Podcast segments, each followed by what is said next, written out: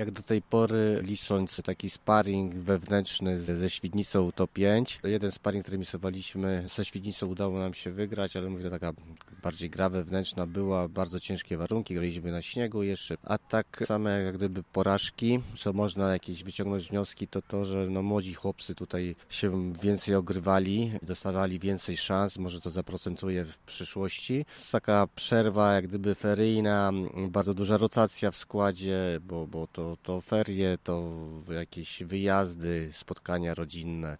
No i jak tak to wygląda na tą chwilę. Do inauguracji rundy wiosennej rozegracie jeszcze jakieś mecze kontrolne? Gramy teraz ostatni e, sparring w sobotę z Bobrowicami u nas w Czerwieńsku na trawie i od następnego tygodnia chcemy już przejść na trenowanie właśnie e, na trawie. Mam nadzieję, że gdzieś tam ta pogoda nam na to pozwoli. Zmiany w kadrze zespołu?